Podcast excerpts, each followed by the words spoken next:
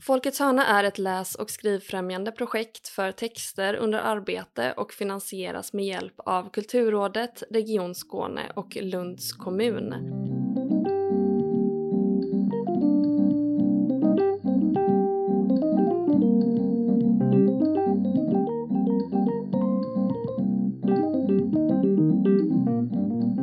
Hej och välkomna till Folkets hörna, en podd om den skrivande praktiken. Mitt namn är Agnes och med mig har jag som vanligt Emilia.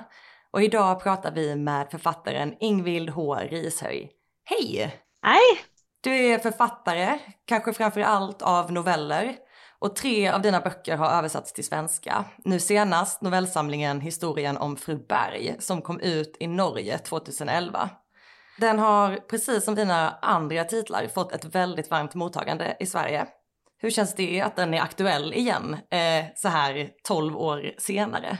Det är ju fantastiskt för jag känner mig ju 12 år yngre varje gång jag snackar om den. eh, och detsamma, detsamma skedde med vinternoveller, men då var det bara fem år. Så då mm. følte jeg meg også fem år yngre när den kom på svensk. Men nu er tolv. Det är bättre.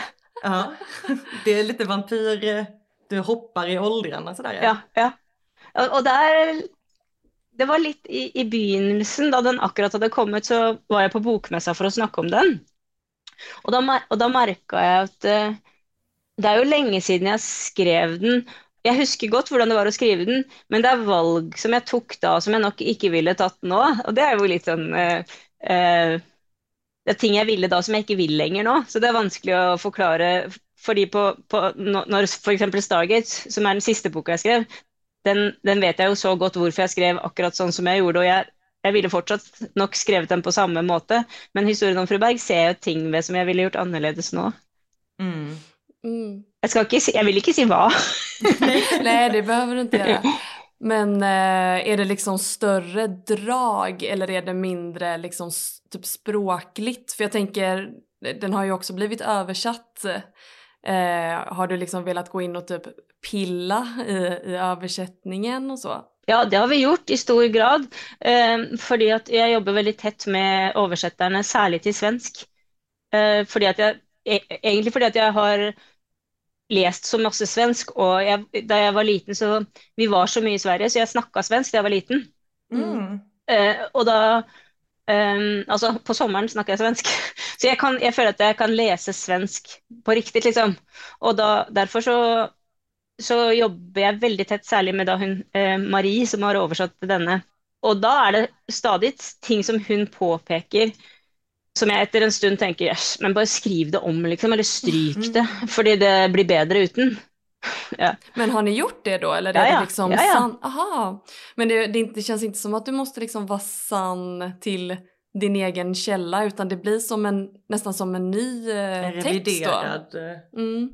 Ja, nei, ikke noe sannhet til kilden, nei. Eh, det er mer å få bort ting jeg liksom Uff, jeg skjems litt og sånn. Men, men, men, det har jo ikke Det er eksempel Det er noen noveller i den som jeg gjerne skulle hatt litt annen slutt på. Men, mm. ja.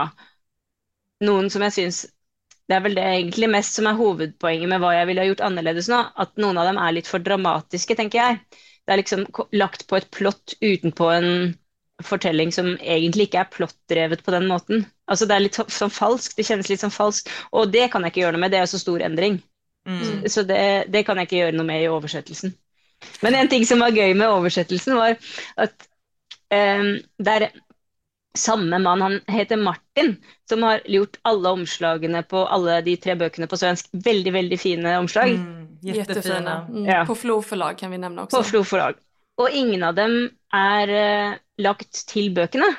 De er alle lagd på forhånd, men de passer så bra. Liksom Stargate, Da Stargate kom, så hadde han et, et bilde av en port med stjerner over som han hadde fra før. Så det, mm. så det, var jo veldig, det føltes jo magisk. Men med historien om fru Berg da, så hadde forleggeren valgt et bilde av han for lenge siden, eh, som var veldig fint, vi syns det passa. Men det var et bilde av det er et, en liten hest på det bildet. Og så tenkte vi at alt var fint, bortsett fra den hesten. Fordi at fru Berg er jo en hamster. Ah. Det, også, og tittelen på boka, og det står i baksideteksten at her kommer en hamster, og, og, Mm. og, og tittelen på boka er altså et hamsterland, og så er det et bilde av en hest. Og så, ble så var jeg alltid liksom Hva skal jeg gjøre med den hesten? Og så, og så tenkte vi Etter en lang stund så kom jeg på at inni, inni boka, i en annen novelle, så var det en ku. Altså en ko. Mm. Og så da gjorde vi om den kua til en hest for at det skulle passe med omslaget.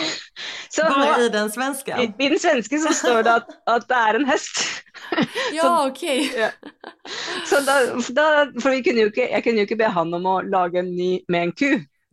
Så, Nei, men du kan litt snapt snabbt ändra i, i teksten. ja, så det, da, nå syns jeg den passer perfekt. Så om man lusläser den norske originalutgåvan eh, mot den svenska så kan man hitta nästan lite så Easter eggs eh, Ja. med överraskningar. Ja, og det, Ja. det største er nok den kua som er blitt en hest. Mm. Det kan, det kan jo se ut som en kraftig feiloversettelse. Men nu har du markerat här. Yep. Nu vet Sveriges folk att... eh, Exakt, framtida litteraturvetare som ska gräva i, Ja. i det här kommer liksom veta. Ja, men jeg elsker egentlig litt sånn at det er ikke så farlig, liksom. Er det en ku eller er det en hest? Altså, selv om det er litteratur, så liker jeg veldig godt når det bare er sånn når det bare er tull også. Ja. ja, men for det kjennes jo som att eh, det er mye som er eh, liksom eh, glädjefullt och på, och på lek och så. Och du, när du var på Folkets Anna så berättade du om din eh, väldigt speciella skrivprocess. Eh, kan inte du berätta lite om den för de som inte har, har hørt om den? Jo, eh, den er sånn at eh, den har forandra seg ganske mye fra min første bok. For den første boka skrev jeg, den kom i 2007, og da hadde jeg alltid en sånn stor eh, plan med masse skjemaer på veggen hvor, med en disposisjon, da. Heter det det på svensk? Ja. Mm. En, en disposisjon hvor jeg bare skulle fylle inn biter eh, som passa med historien. Eh, og det var en veldig kjedelig måte å skrive på. fordi det som var, det som var kreativt med det, var jo egentlig å lage disposisjonen. Resten var eh, Det var ingen, det var ingen inspirasjon, liksom. Det var bare å sitte og fylle i. Og så har jeg mer og mer gått bort fra det, og over til at jeg bare skriver det som jeg selv syns er gøy og interessant å skrive. Og det det minner meg om mest, er eller egentlig minner meg helt om, er å være et barn som leker rollelek og er en annen for en stund. Og når man ser på barn som leker rollelek, så, så er det, jeg synes det er veldig fint å se på. Og de er jo helt inn, altså Hadde de vært voksne, så ville de jo vært psykotiske, sånn som de holder på. De henter, de snakker med folk som ikke fins, de hører stemmer i hodet. Og, de, og de, de, beveger seg i rom som ikke vi andre ser. Eh, men de er jo ikke psykotiske, de bare leker. Og det er jo en egenskap som, som vi mennesker har, som jeg tror kanskje vi, vi er nesten alene om da, i dyreriket å ha, at vi kan se for oss verdener som ikke fins. Eh, det er jo det som har skapt all, all vår utvikling og også vår undergang. Men, men, men eh, tilbake til skriveprosessen, så, så tenker jeg at det, det, er, det er en fantastisk tilstand å være i da, når man sitter der og finner på noe som ikke fins. Og, og da er det sånn at jeg tenker at for å få til det bra, så må jeg ikke ha noe mål, heller ikke noe mål om at teksten skal bli bra. Og ikke noe budskap, og ikke noe Egentlig ingen agenda. Må bare, det må være helt fritt. For hvis dere, tenker, hvis dere husker, dere husker kanskje hvordan det var å leke sånn, Mm. Og det kan ikke komme en voksen da og si sånn Lek litt bedre. Kan du ikke ha litt annen slutt på den leken? Bare sånn, det er ikke å leke. Eh, hvis, det, hvis det er et mål med leken, så, finnes, så er det ingen lek lenger. Så jeg prøver å liksom skru av alt det, og bare skrive og like, og like å skrive. Mm.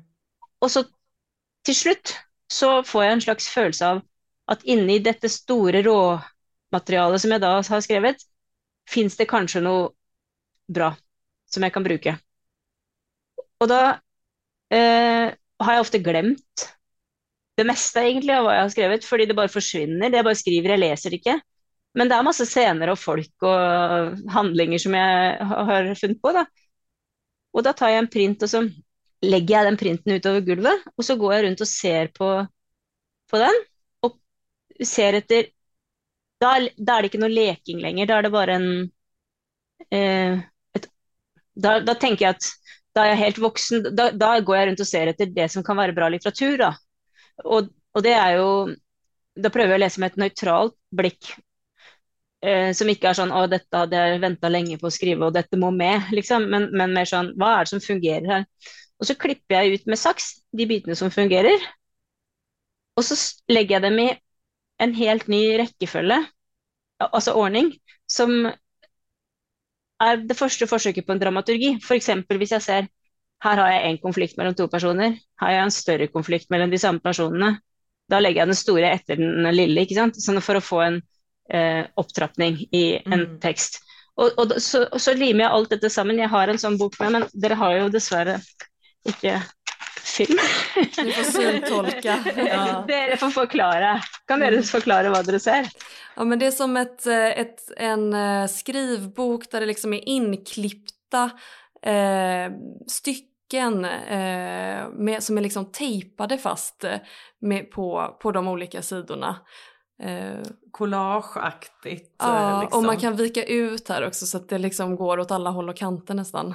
Ja, og det ser jo ut som et kaos. Mm. Her, og her er, her er det noen som har tegna noe inni. Men, men, eh, men, det er ikke et kaos, det er et system. Ja. det er mitt første, første, forsøk på system. Og for meg fungerer det kjempebra, fordi jeg også kan skrive til. Jeg limer alt inn i en stor bok, da, hvor, jeg, hvor det også er, finnes eh, plass til å skrive til at her mangler en eh, et, her mangler en hvilepause, eller her mangler en eh, konflikt, her mangler det litt eh, eh, dialog. Så, men så, da skriver jeg ikke til, jeg bare, jeg bare noterer meg hva som mangler. For å, for å, få til å skrive det, så må jeg tilbake til denne eh, fasen hvor jeg leker. Mm. Men da, skriv, da, er den jo ikke så fri lek, for da vet jeg på en måte hva jeg skal leke meg fram til. da. Hade du alltid, eller liksom hur många försök hade du innan du kom fram till att det här var det systemet som fungerade för dig? Eller kom det organiskt till dig att det, det här liksom collageaktiga klippsystemet var det som skulle funka? Det var litt morsomt at du sier organisk, fordi, fordi at eh, når, når, jeg begynte med hele metoden, som var den lekemetoden, mm. så var det var etter historien om fru Berg, faktisk, hvor jeg, mm. tenkte, hvor jeg syns at historien om fru Berg hadde vært litt tung å skrive. Og da fant jeg på den metoden hvor jeg bare skulle skrive til det ble uh, kul da, for meg, og så slutte mens det var kul, for å neste dag kunne gå tilbake og og nå gleder jeg meg til å fortsette. Og da kalte jeg den til kjæresten min her, så sa jeg ja, men jeg skriver ikke på den fru Berg-måten lenger, jeg skriver i organic. Fordi at det kjentes liksom som organisk, for det er bare sånn det bare, det bare vokser hit eller dit, liksom. Fritt. Mm. Mm. Uh, men, men uh, ja, så jeg hadde jo egentlig skrevet to, bøk, to hele bøker uten det. Og så vinternoveller er skrevet på den måten, og Stargate er skrevet på den måten. Og, jeg, og, om det vokste fram, jeg vet ikke. Hvor, det var vel mer av uh, nødvendighet. Jeg orka ikke ha det så kjedelig når jeg skrev lenger. Jeg tenkte liksom, her sitter jeg, jeg tjener ingen penger på det, det er ingen som ber meg om det. Da kan jeg vel i det minste ha det kul. Mm. Ja, så, en sund innstilling. Ja. ja, det låter som. Du har jo skrivit novellsamlingar men du har ju också skrivit en roman. Eh, hur funkar de här, alltså ditt, ditt, din skrivprocess, hur funkar den olika när det kommer till liksom en roman, lite längre sammanhållen historia och de här eh, kortere historiene? Egentlig helt på samme måte, men det som er, er at jeg liker å ha kontroll. Uh, så når, når, jeg legger teksten sånn utover gulvet, så er det jo fordi at jeg, da kan jeg se hele teksten min. Eh, så da har jeg kontroll mye mer enn på en skjerm f.eks., hvor man bare kan se to sider. Jeg kan mm. se hele teksten, jeg kan på en måte bygge teksten på gulvet. Men, men eh, mm, jeg har alltid Mange ganger har jeg trodd at en novelle skulle være en roman, fordi råstoffet er så langt. Eh, og håpa det også, at det skulle være en roman, og så har det ikke blitt det. Fordi at etter denne første redigeringsprosessen hvor jeg klipper med saks, så kommer en redigeringsprosess hvor jeg stryker og stryker og stryker. og stryker. Fordi at jeg egentlig vil at det skal være Jeg er på en måte minimalist, eh, faktisk. Ja. Både i, i, livet og i skrivinga. Og jeg tenker liksom at, at hvis jeg kan si noe med én setning, så sier jeg ikke det med to setninger. Hvis, hvis en, to replikker sier det samme, så stryker jeg den ene. Mm. Og, og, og, sånn er jeg ellers òg. Hvis jeg kan klare meg med én jakke, da blir jeg veldig glad for å bare ha én jakke, og ikke to. Og, og, ja, og derfor så, men så de, de, tekstene har bare blitt den lengden de har blitt, når jeg har tenkt at nå står det igjen som er nødvendig. Og Stargate ble da lenger. Mm. Og, og, jeg tror at, Men den kunne jo vært en langnovelle òg, man kan jo kalle det det, egentlig. Ja, ja. de grensene er jo Litt flytende. Ja. ja, ja. Om jeg hadde hatt lengre tekster også, så kunne den sikkert inngått i en Altså om jeg hadde hatt flere tekster, men ja, mm. flere, mm. så kunne den inngått i en novellesamling som en av Den er jo veldig kort, den er jo bare 100 sider. Folk skriver bøker på 600 sider, liksom. Det gjør ikke jeg. Nej men som sagt stringent. Vi pratade om det när vi, eh, jag och Agnes då när vi har pratat inför det här eh, samtalet med dig. Om att eh, just den här liksom stora kaosartade organiska processen, liksom, resultatet av det blir ett så stringent resultat. Eh, men då är det det att du liksom sitter och stryker och stryker och stryker och inte gillar de här upprepningarna eller eh, hur, tänker du kring, kring det? Jo, jeg, jeg, jeg liker det egentlig når andre eh, skriver sånn. Altså, jeg leste akkurat eh, den Steinbeck, 'Grapes mm. of Wrath', leste jeg nå. Og den er egentlig ganske den er, ganske, den er tjukk og massiv, og det er en god del ting som sies flere ganger. For så starter den med jeg tror kanskje fem sider hvor han bare beskriver været. Det er ganske tøft. Liksom Det blåser på den og den måten, og så blåser det sånn og sånn. Og det kommer ingen personer før etter fem sider. Det er, det er kult, da. Men, men, men, eh, så jeg liker å lese det, men jeg liker ikke å skrive sånn. Det er akkurat som Jeg liker at folk har mange barn, men jeg vil ha ett barn. jeg er minimalist. Ja, jag tycker det är spännande där med novellformen och det du pratar om eh, hur barn leker i rollspel, att det liksom inte finns något tydligt slut eller jag tänker att på ett sätt är det ju så skrivprocessen är också, att vi, vi har röster i huvudet, vi leker upp en värld och på samma sätt, alltså att novellen är friare där eh, i att den inte behöver ha ett tydligt slut eller att den får vara mer öppen. Att det känns verkligen eh, på något sätt eh, och ta det här positivt, barnsligt. Eh, ja. Att få ägna seg åt det på det sättet. Men i Norge, i Norge, så tror jeg ikke det er sånn, fordi at i Norge så har liksom den aller største novellisten, det har vært Kjell Askildsen. Han er mm. død nå. Men han har skrevet så, han har vært veldig liksom en nestor, og han har skrevet så ekstremt stringent og egentlig, veldig, egentlig litt sånn minimalistisk som jeg liker, da, men samtidig er det en Det er akkurat sånn som jeg lærte å skrive noveller på skolen, med en mm. eh, hode og hale og en midtdel og, og en, Vi lærte at det skulle se ut som en fisk, hvor ha, slutten mm. skulle være liksom slå ut med en, ja, en, hva, en finne.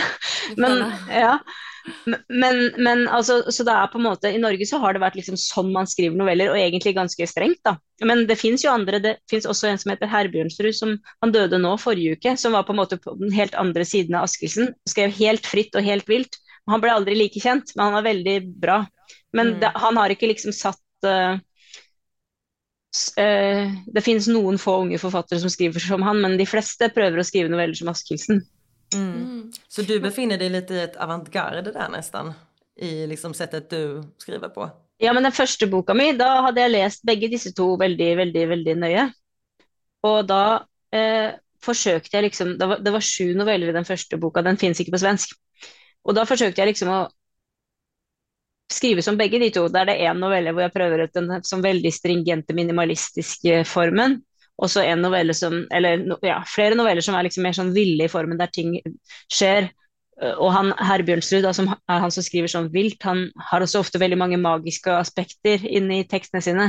Det har ikke jeg prøvd nå før i Stargate. Men så, sånn sett så kjenner jeg vel kanskje mest, litt sånn beslekta med han eh, innholdsmessig, men med Askildsen eh, formmessig.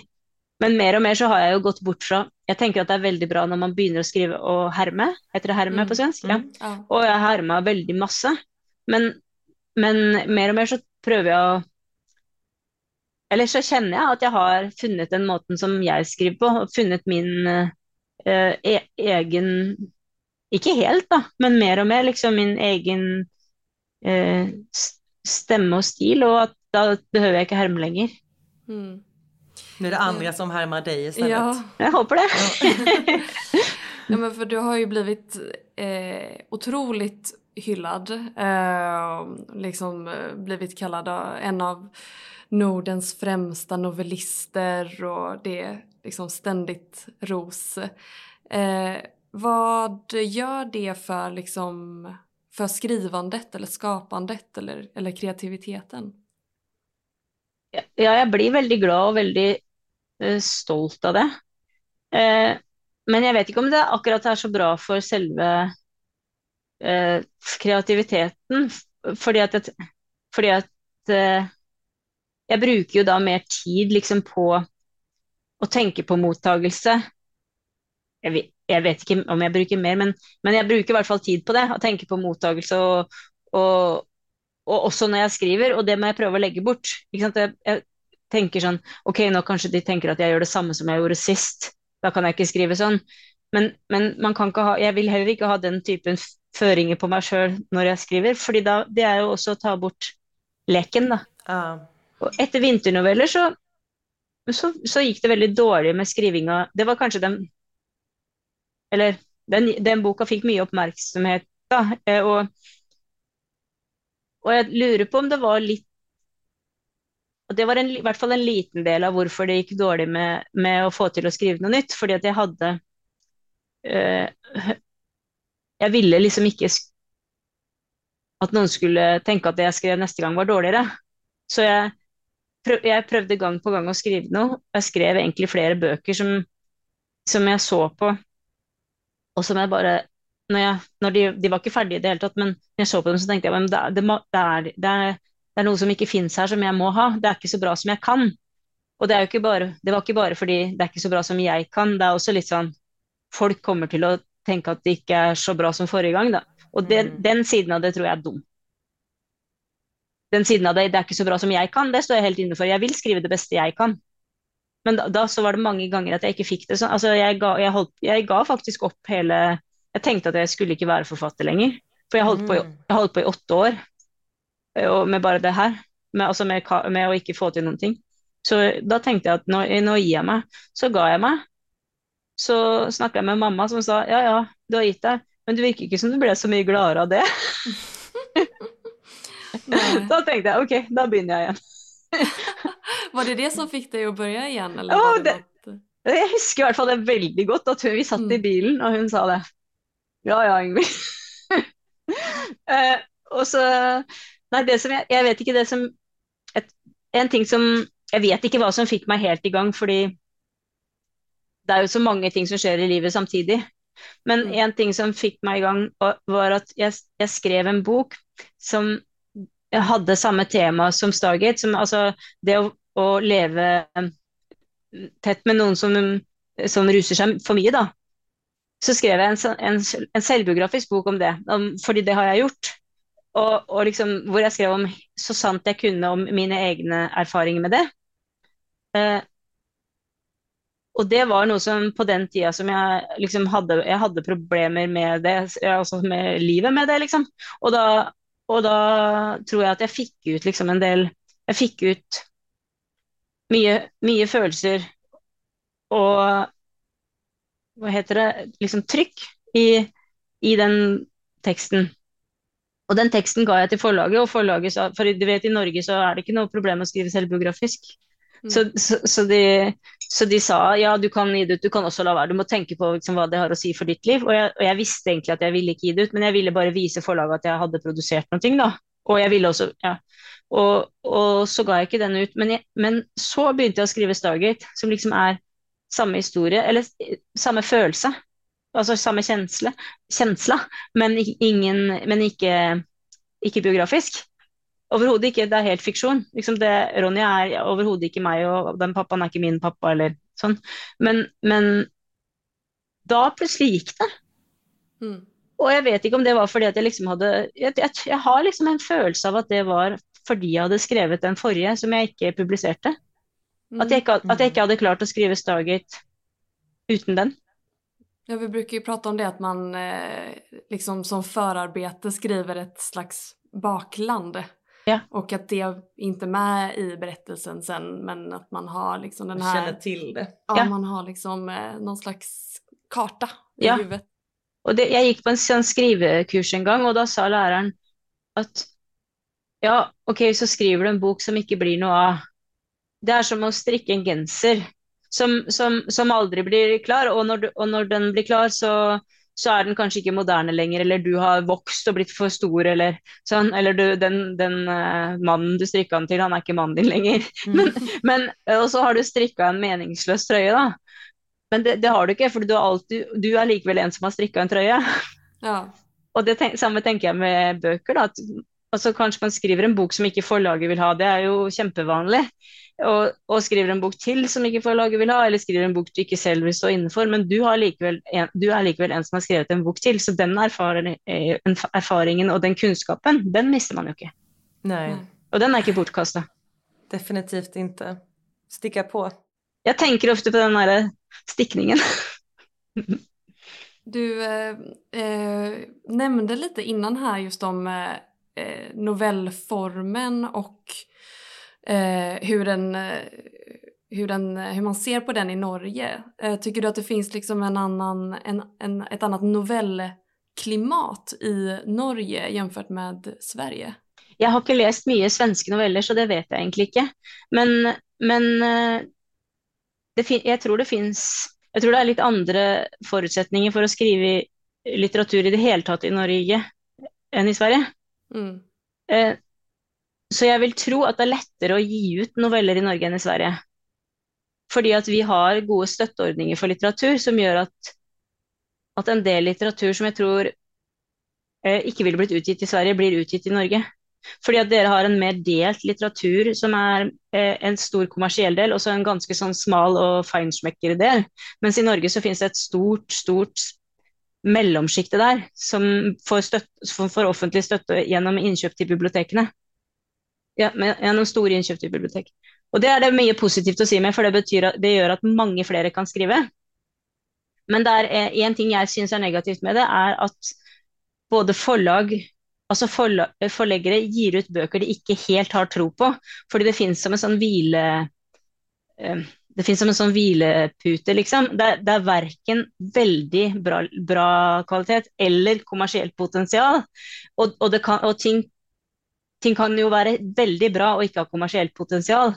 Men hvis det heller ikke er veldig, veldig bra, da tenker jeg at, litt, da, da tenker jeg at de pengene kanskje burde heller brukes på den virkelig smale litteraturen, da, enn på en sånn mellomsjikt som ingen egentlig har helt troa på. Og jeg tenker at i Sverige så er det så, så finnes ikke i samme grad dette mellomsjiktet, tror jeg. Har jeg rett? Ja men det känns som det och just för vi har ju också en, eh, alltså man kan ansöka fra Kulturrådet, brukar vara smal litteratur då för att det ska finnas på alla, samtliga bibliotek i Sverige. Eh, så då blir det ju liksom ett inköp därifrån. Eh, det finns lite så här tryckpengar man kan, man kan söka också. Men där är det ju mer fokus på smalare litteratur, tänker jag. Eh, men visst att det kanske inte får samma liksom för jag tänker att det är en marknadsföringsfråga också. Att om, man inte, om inte förlaget riktigt tror på boken så kanske det inte heller blir samma marknadsföring som kanske behövs för ett sånt mellanskikt, en mellanskiktbok. Nei, det er I. Sverige. I, i, I Norge. Norge, ja. Mm. Ja, for det, det, er, det som skjer, da. At det er en eh, Noen av disse bøkene blir jo plutselig suksesser, og det er veldig fint, liksom. Men de fleste av dem blir da verken kjøpt inn i stort til bokhandel, de blir kjøpt inn til biblioteket, men der blir de ikke lest fordi de ikke er markedsført. Så det blir på en måte i praksis at masse bøker trykkes som deretter blir makulert, da. ja. Og det er, det er ikke riktig ressursbruk, tenker jeg. Da, da, da bør, men jeg, jeg mener ikke at pengene skal bort fra litteraturen. Og det, i Norge så er det litt tabu. Det er et tabu å kritisere denne ordningen, for den holder jo litteraturen gående. Den holder de store forlagene gående. De har, de har ansatte som jobber fordi de tjener disse pengene, ikke sant? Som, Mm. som, de, som de kan regne med å, å, å tjene. Men så jeg mener absolutt ikke at de pengene skal bort, men jeg tenker at de kanskje med fordel kunne omdistribueres, da, for det er ikke noe mening i å produsere bøker som deretter skal makuleres. Det er ikke vits. Nei. Nei. Kanskje ikke i den utstrekningen, liksom. Nei.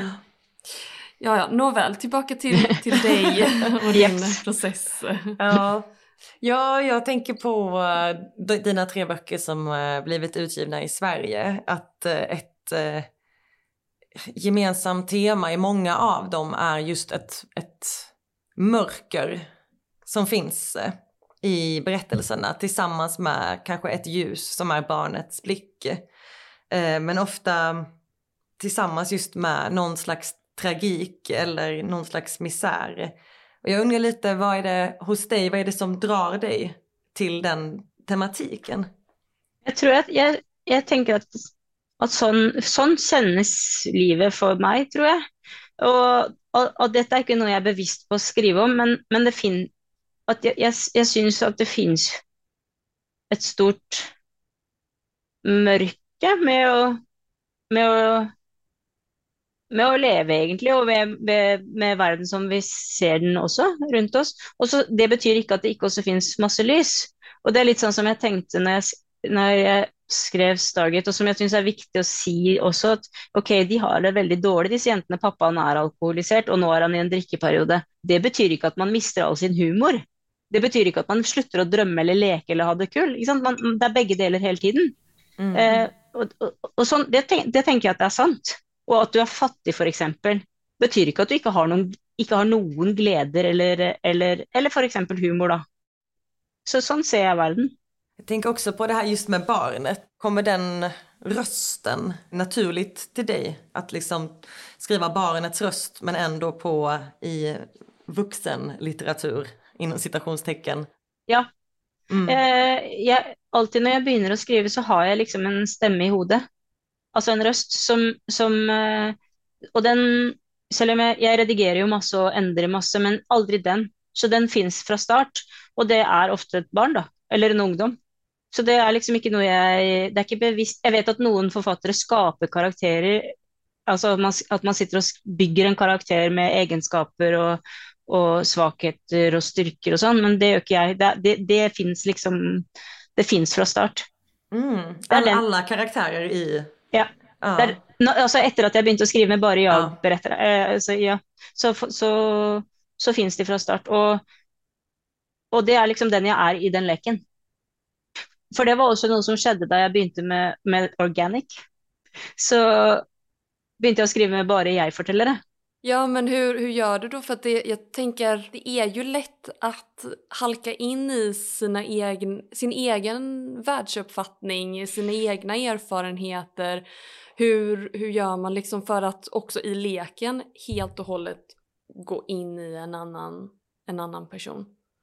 Ja, helt og holdent så gjør jeg jo ikke det, for, fordi at jeg har jo bare mine egne erfaringer og tanker og drømmer tilgjengelig. Eh, men det er jo så, og det er det samme som med barn som leker, at når du ser jo på at barn som har opplevd krig, de leker krig. Ikke sant? Mm. Eh, eh, barn som hører voksne være strenge, leker voksne som er strenge. Og andre ting. Men blant annet, sant, de henter ting fra, fra sin egen verden. Man kan også, de leker jo også at de er romvesen og at de er uh, foreldreløse selv om de har foreldre også, men, men man, har, man, har sitt, man har sin, sitt hva skal jeg si, arsenal av virkemidler og, og historier. Men jo lenger bort jeg tar historien fra meg, desto mer gøy har jeg det. Fordi hvis jeg kan finne opp helt, helt fiktive ting, så det er mer spennende for meg, da. For eksempel, for eksempel, på det jeg skriver på nå, så, fan, så var det der, en, der om en, en, jente, en ungdom, som ikke, ikke kan sove. Ja, det er kanskje hoved... Hun er veldig veldig god i basket, og hun er veldig veldig dårlig til å sove. Det er liksom det er det det handler om. Mm. og nå fant jeg opp at hun skulle gå på et, et søvnkurs. Og jeg vet ikke engang om det finnes noe søvnkurs. Men så kommer hun inn, og så sitter det masse søvnløse folk og hører på en søvncoach. Jeg, jeg har bare funnet på det søvnkort, men jeg syns jeg gjorde det kjempebra. liksom, At det var et veldig troverdig, troverdig søvnkurs med søvnkort. og alt. Og da jeg har det aldri så bra som liksom jeg klarte å finne opp et, en, no, noe, så, noe, så, spesifikt og mm. fjernt fra mitt eget liv. Det känns ja. väldigt eh, 2023 eh, att det skulle finnas en sömncoach också. Jag, jag tror det finns. det finns det. Jag har faktiskt jobbat på en, en uh, psykiatrisk mottagning som, som uh, alltså administratör. Men där hade de uh, KBT-kurser i sömn för folk med sömnproblem. Och då är det att de sitter i, det är gruppterapi. Ja! Så att Så de sitter och får liksom, ja, ja. Eh, får lite så här övningar ja. och tips och så. Ja, så, det är sånn. Du, du kanskje bare er synsk Ja, det, ja, men det trodde jeg før. men, men, akkurat, men liksom, akkurat sånn er det søvnkurset mitt. Og det er også en sånn, jeg vet, sånn Det kommer en sånn powerpoint med masse sånne små moln inn, da, med der, Ja. der det står ting om søvn. Er det, tror du det, er det troverdig? Det, jag tror att det är, ja, det är trovärdigt, absolut. Definitivt en powerpoint, ja. Ja. Ja, vad kul. Men det var den, eh, för eh, du var ju och eh, hälsade på oss på Folkets hörna i Lund i våras. Och då läste du ju upp en, en bit utav ett pågående projekt där det var en tjej som spelar basket. Och det var under ett kalas och lite så. Eh, är det samma som du håller på och skriver på nu? ja, det er det. Gud vad kul! Den var ju väldigt uppskattad. Folk i publiken var verkligen så.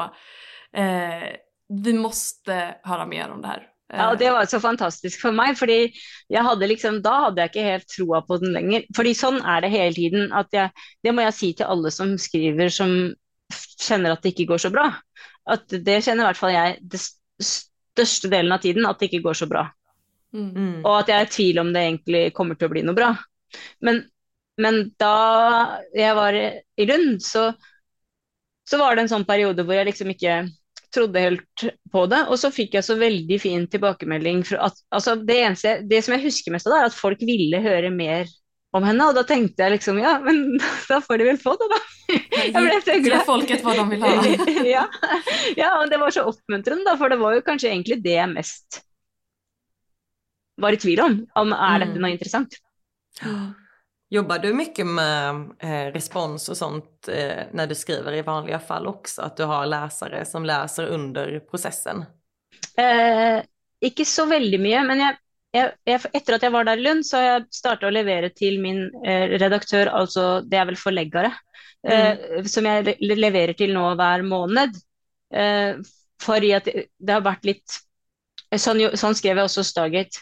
Men med novellene så har jeg venta til det er en hel novelle ferdig. Men ettersom jeg tenker at dette her også skal bli en roman, så blir det for lenge mellom Altså, jeg får ikke ferdig en roman uten tilbakemelding.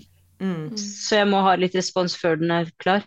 Men til det som dere spurte om i stad, om liksom, ja, blir det for mye meg, så er det hun, hun forleggeren, da. Hun er veldig bra til å se dette er for typisk deg, sier hun. Dette er dine tanker, det er ikke fortellerens tanker. Eller denne, Mm. denne setningen, denne her meningen har du skrevet på autopilot, liksom. Sånn skriver du hele tiden. Lys og mørke, lys og mørke, himmelbeskrivelse. Jeg bare shit, shit, stryk, stryk, stryk, stryk, stryk. Og, ja, sånn, og det er jeg veldig glad Hun kjenner meg så godt, og hun kan godt si sånn Jeg blir bare glad. Og, Mm. altså, jeg, det er jo pinsamt, men jeg blir glad. Heller henne enn en kritiker. Exakt. Ja men absolutt absolut. Man känner sig ju lite blottad kanske. Men det Ja. är ju med välvilja såklart. Og så, ja, og så, men også er det alltid sant at det er skrevet på autopilot når hun ser at det er altså, En sånn derre For eksempel en sånn uff a meg. En, sånn, en slags sånn følsomhet. En kjenslighet. Mm. Som liksom Jeg kan på en måte herme etter meg selv og tidligere ting jeg har skrevet, i et språk og og en form for liksom Ja, også innholdet, da. Som, så, som liksom Det kan se kjensligt ut, men det er ingenting der. Og det vil jeg jo ha bort. Mm. Mm.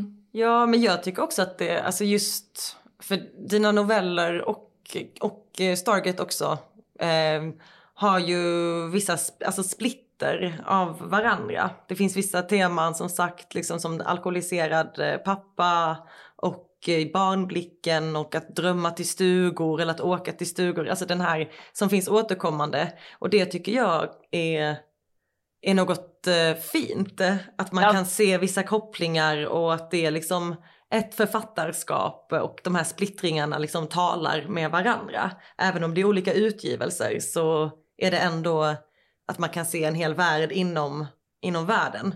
Ja. Och att man kan leka med det också, att det finns nästan, nu hör ju inte de ihop, men den här novellen i Vinternoveller om, eh, om pappan som hamnar på en krog när han ska köpa en kudde till sin, eh, sitt barn och pappan i Stargate. Det är två olika personer men på något sätt kan man läsa in att det här är den andra sidan av det också.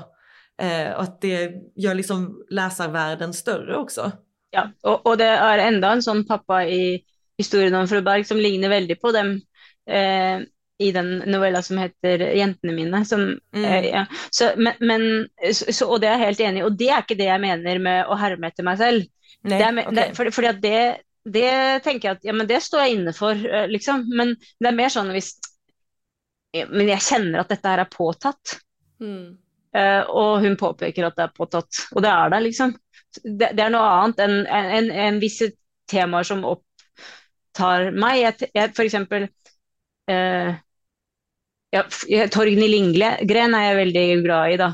Der er det mm. temaer som går igjen og igjen. Som, det gjør ingenting. Det gjør ingenting for meg. Eller Astrid Lindgren, for den delen. Hun skriver jo alltid om en åtte år gammel person som Nei, ikke alltid, men ofte. det, men det, jo, det, det, gjør ingenting. Det er oppriktig. Det ser helt oppriktig ut. Uh, ja, mens det er mer sånn Men det er vanskelig å snakke om hvorfor. Men når man kjenner at, selv at det er falskt, da vil jeg ha det bort. Jeg stilte en fråga innan som var noe i stil med så här, vad gör liksom de här hyllningarna med skrivandet?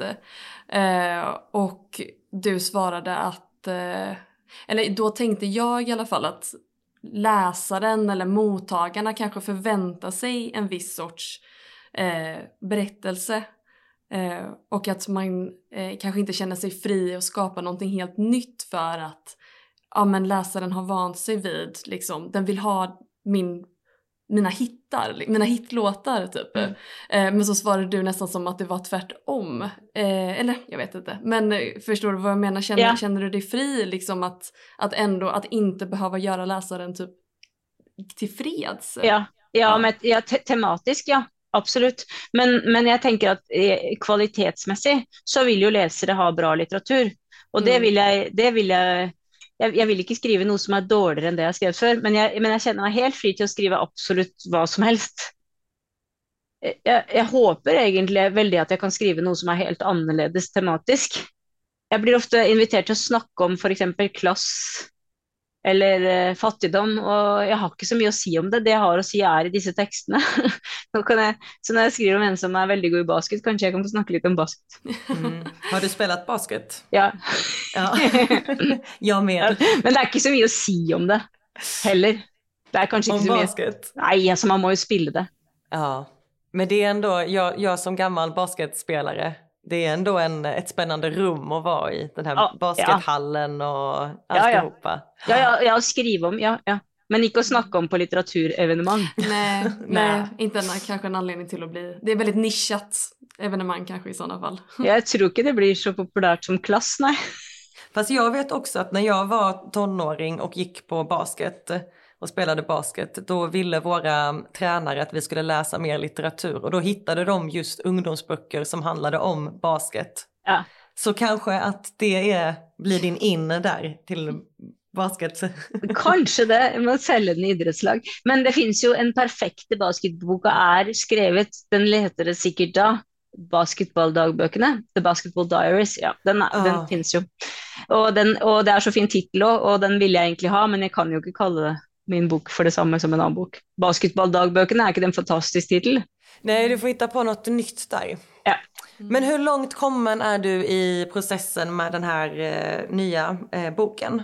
Nei, jeg har veldig mye råstoff, og jeg, fort, og jeg skriver fortsatt råmateriale, så jeg har kommet egentlig ganske kort. Eller jeg pleier å bruke mest tid på redigering. Så Nei, altså jeg har jo mange, mange, mange flere hundre sider med, med tekst.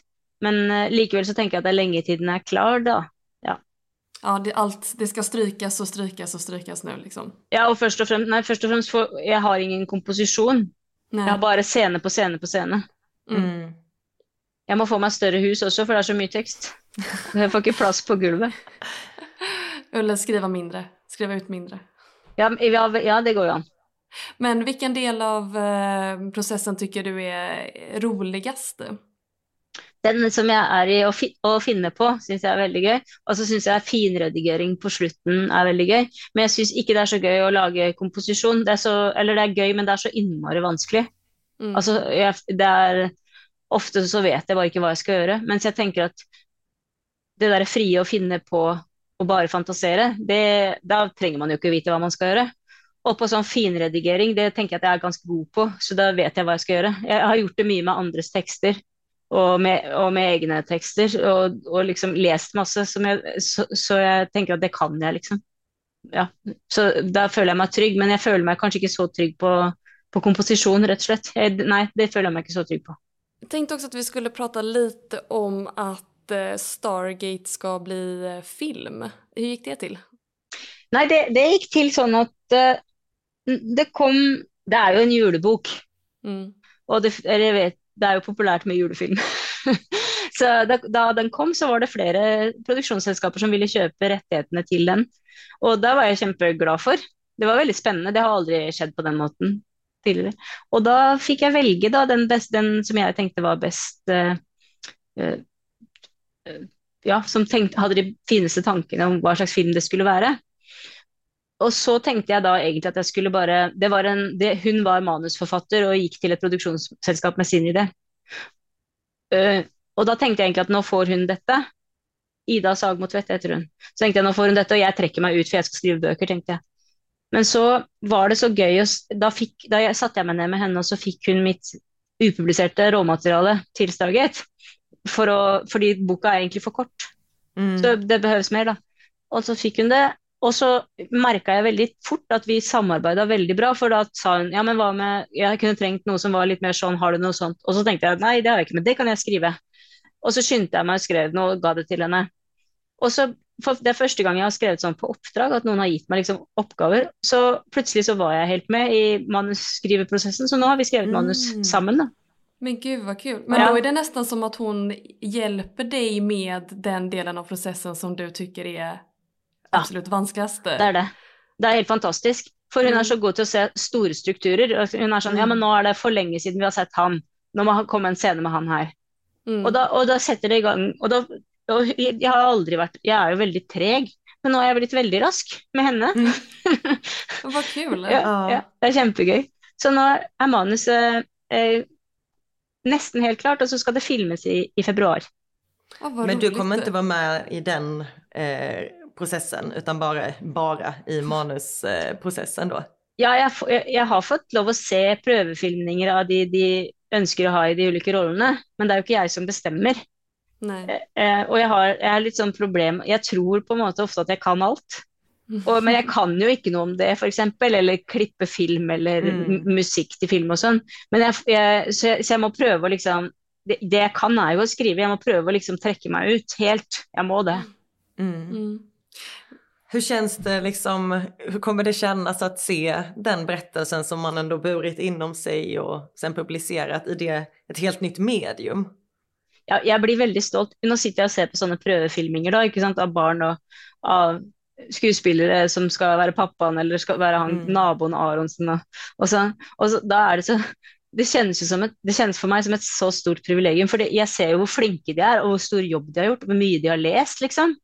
Og så samtidig så Og så er det mitt material, liksom. Mm. Og de, at de bruker sin tid og kommer til Oslo for å prøvefilme og vet ikke engang om de får rollen. Jeg, synes, jeg blir så stolt, og så blir jeg liksom Jeg syns det er helt eh, ja, det er helt fantastisk. Og samtidig så blir jeg sånn Å, herregud, den setningen er jo ikke mulig å si, og det er min skyld. Liksom så Ja, men og det er det. Så stakkars skuespiller som liksom får en helt umulig replikk, da. Men da skriver jeg jo om. Mm. Ja men för det är ju nu, det blir ju lite speciellt för dig också eftersom att du ändå är involverad i manusförfattandet för att det, som jag har förstått det så brukar det väl ändå vara så att när en författare säljer sin, sin berättelse till att bli film så är det liksom hands off, typ backa bort, inte ha någonting med att göra. Nu är du ju ändå lite med liksom Mm. i, i processen så att du kan inte heller liksom släppa du har ändå lite kontroll liksom Ja. över vad som händer här. Ja, og jeg tenkte først at jeg skulle ha null kontroll, fordi at jeg er liksom litt kontrollfrik. Mm. Så jeg tenkte først sånn hands off.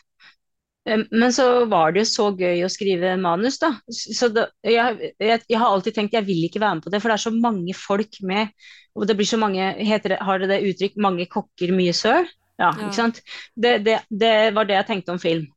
Fordi, Mm. Og så kommer det finansiører som har sin mening om saken, og så kanskje kommer det en klipper som er, har en dårlig natts søvn og ødelegger alt sammen, liksom. Som har gått i søvncoach. Ja, som har gått i søvncoach, og, og alt det skal man liksom passe på. Og det, det, det tenkte jeg at jeg ikke orka. Men nå tenker jeg at jeg for første gang jeg har sett de positive sidene av samarbeid. For det, det, det er jo det at det, det som jeg helt hadde glemt, er jo at det tilfører jo noe. andre, folk, andre folk har jo kunnskap og kapasitet som, som, liksom tilfører noe helt nytt. Og det kjenner, jeg, det kjenner jeg jo veldig tydelig når jeg jobber med henne, uh, og også veldig tydelig når jeg ser disse skuespillerne som jo kan noe Jeg, kan jo ikke spille alle rollene i denne filmen. Mm. Nei, man blir jo imponerad altså, ja. når, folk, ja. når, folk, kan saker. Nei, altså, og det er jo så mange fag.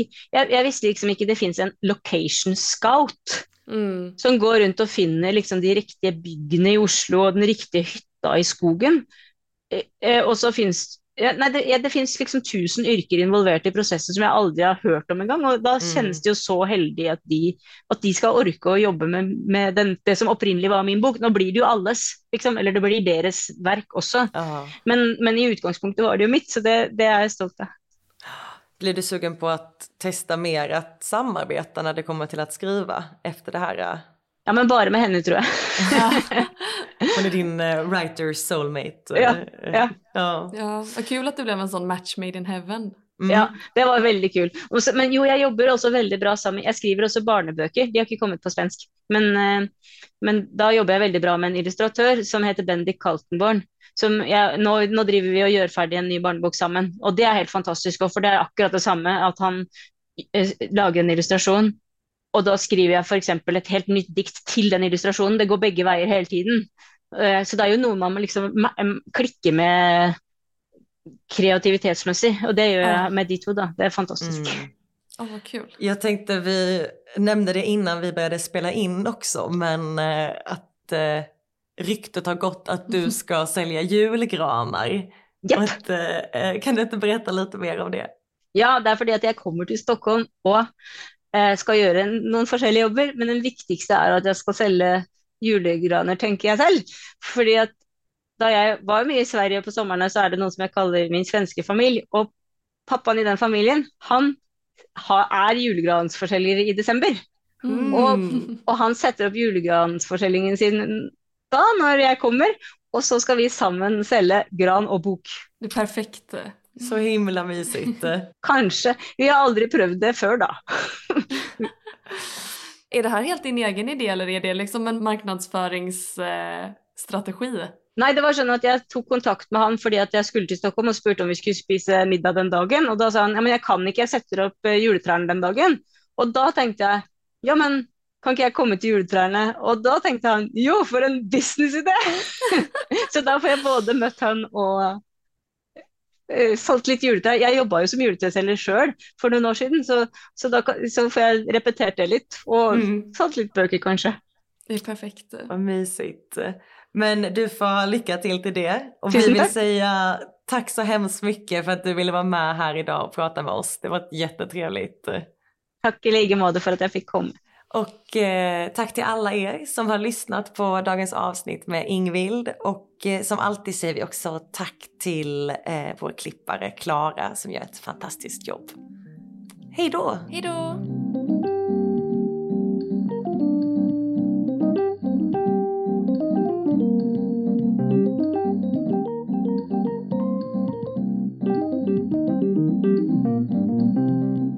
Kul att ni lyssnat på Folkets hörna. Har ni några frågor eller vill komma i kontakt med oss så kan ni mejla på hej folketshorna.se och följ oss gärna på sociala medier, eh, Facebook och Instagram. Där heter vi Folkets hörna.